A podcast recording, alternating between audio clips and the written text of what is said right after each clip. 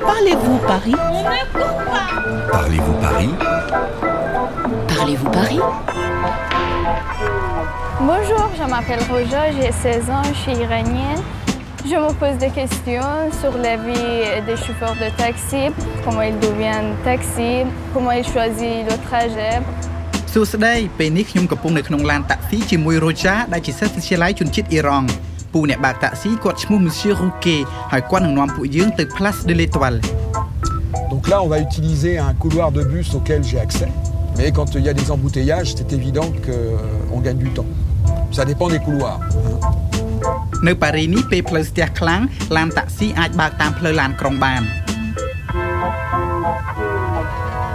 est-ce que les types de clients changent au niveau de journée, par exemple Non, c'est assez mélangé en fait. hein. Ça peut être des touristes, ça peut être euh, effectivement la clientèle d'affaires. C'est-à-dire que le chauffeur de taxi, il doit avoir aussi une qualité importante, c'est beaucoup de psychologie. Parce que euh, les gens sont stressés par leur activité professionnelle ou euh, dans leur vie. Et puis il y a les conditions de circulation qui stressent dans notre vie de taxi.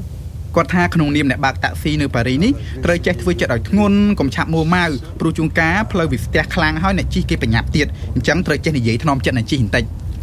Voilà, nous sommes passés rive gauche, nous étions rive droite, hein, puisque on parle de rive droite euh, par rapport à la source de la Seine. រ៉ូចាខំសម្លឹងតាមផ្លូវឲ្យដាក់ភ្នែកសោះមិញនេះយើងទើបតែជិះឆ្លងទន្លេសែនពីត្រើយខាងស្ដាំ rive droite មកត្រើយខាងឆ្វេង rive gauche Là,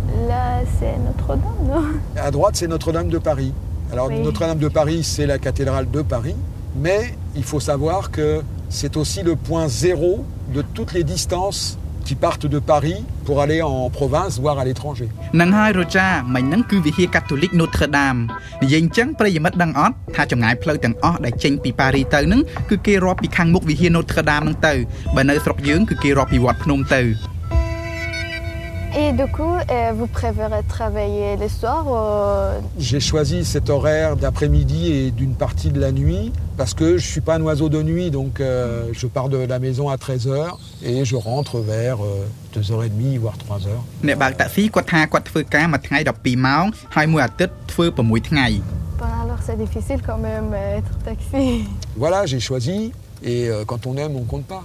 គាត់ថារកស៊ីអាហ្នឹងទាល់តែស្រឡាញ់របរហ្នឹងណាទើបយើងទ្រាំនៅក្នុងឡានមួយថ្ងៃវល់ល្ងាចបានកងតុងណែមអងនៅកងប៉ា Là à droite, vous avez le pont neuf. Ah oui. Et là c'est le pont des Arts Tout à fait. Il semblerait que ce soit le pont des amoureux d'ailleurs. Hein, Puisqu'on y laisse des cadenas. Ah oui. Ça laisserait entendre que l'amour est une prison. មិញហ្នឹងយើងទៅបើកកាត់ស្ពានមួយឈ្មោះថាលើពងដេសា គឺគេហៅថាស្ពានគូស្នេហ៍លើពងដេសាមូរឺព្រោះថាស្ពាននេះមានគូសង្សារគេយកសោមកដាក់ដើម្បីបញ្ជាក់ពីស្នេហារបស់គេ Et, et à droite, vous avez le Louvre. Ah oui, c'est... Voilà, donc nous repassons sur rive droite. ឥឡូវយើងឆ្លងទៅត្រើយខាងស្ដាំវិញគឺនៅក្បែរសារមន្ទីរ Louvre Et c'est vrai que les clients provinciaux étrangers sont sensibles à des petites anecdotes comme ça, de l'histoire de Paris. De... Oui, parce que c'est intéressant. Moi, je considère qu'en tant que chauffeur de taxi, ben, je suis un ambassadeur. Je pense que des fois, mes collègues euh, peuvent parfois l'oublier. La première image qu'un client étranger il a de Paris, c'est le chauffeur de taxi qui va prendre à l'aéroport pour l'emmener à son hôtel. Exact. Eh oui. Donc c'est important que la première idée soit la meilleure. Hein. លោករូកេគាត់គិតថាខ្លួនគាត់ជាអ្នកបើកតាក់ស៊ីប្រៀបដូចជា un vrai ambassadeur de Paris គឺដូចជាអគ្គរដ្ឋទូតតំណាងឲ្យក្រុងប៉ារីអញ្ចឹងគាត់ថាវាសំខាន់ណាស់ដែលយើងទៅរាក់ទាក់ភ្ញៀវទេសចរឲ្យបានល្អព្រោះថាទេសចរគ្នាចុះពីយន្តហោះមកជួបអ្នកបើកតាក់ស៊ីហ្នឹងមុនគេតែម្ដង Voilà, et nous allons remonter, tel notre président, les Champs-Élysées. Maintenant nous allons remonter les Champs-Élysées ឥឡូវនេះយើងកំពុងតែឆ្ពោះទៅកាន់ les Champs-Élysées គឺជាមហាវិថីដែលស្អាតជាងគេលើពិភពលោក la plus belle avenue du monde Et donc voilà la plus belle avenue du monde, l'avenue des Champs-Élysées. En fait, il faut savoir que la place de l'Étoile, euh, il y a très longtemps, c'était des champs de patates. Et en fait, euh, toutes les avenues descendent de la place de l'Étoile. អាកាលពីដើមឡើយគាត់ថាម្ដុំនេះជាចំការដំឡូងតាអាង Champs des Patates មានមហាវិថីទាំងអស់12ដែលបែកចេញពីរង្វង់មូលនៅកណ្ដាលហ្នឹងហើយបែកចេញដូចជាផ្កាយអញ្ចឹង Voilà, Merci nous voilà à la beaucoup. place de l'Étoile, Charles de Gaulle. Bon, ça fait combien Eh bien écoutez, le compteur fait 28,80 euros et le commentaire est compris dans la course. Est-ce qu'on peut avoir le fiche de... Bien sûr. Merci, c'est gentil. អឺឥឡូវយើងមកដល់ហើយគិតលុយថ្លៃតាក់ស៊ីមិញអស់28អឺរ៉ូ80សេនមិនជាថ្លៃប្រហែលដែរព្រោះថាយើងជិះកាត់មកឆ្ងាយសឹងតែមកចំហៀងក្រុងប៉ារីទៅហើយ Et donc sur la fiche, vous aurez plein de renseignements. Vous aurez notamment le, les différents tarifs យើងបានឲ្យគាត់មិញ30អឺរ៉ូហើយឲ្យគាត់ទុកលុយអាប់ចុះអាហ្នឹងប្រៀបដូចជាលុយធីបអាំងពុកបោះ J'espère que vous aurez en tout cas une bonne opinion des chauffeurs de taxi parisiens. Oui, bien sûr. Merci monsieur Merci.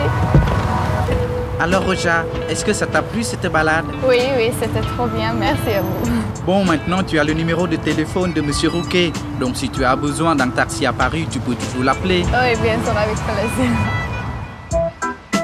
រ៉ូចាបានយកលេខទូរស័ព្ទរបស់អ្នកបើកតាក់ស៊ីមិញទុកប៉ុន្តែគាត់ថានៅតែថ្លៃអញ្ចឹងពេលចេញដើរយប់គាត់ថាតើតែជិះជាមួយពួកម៉ាដើម្បីជួយចេញលុយគ្នាមិនអញ្ចឹងទេត្រូវដេកនៅផ្ទះពួកម៉ាសិនហើយ Au revoir. À bientôt À bientôt.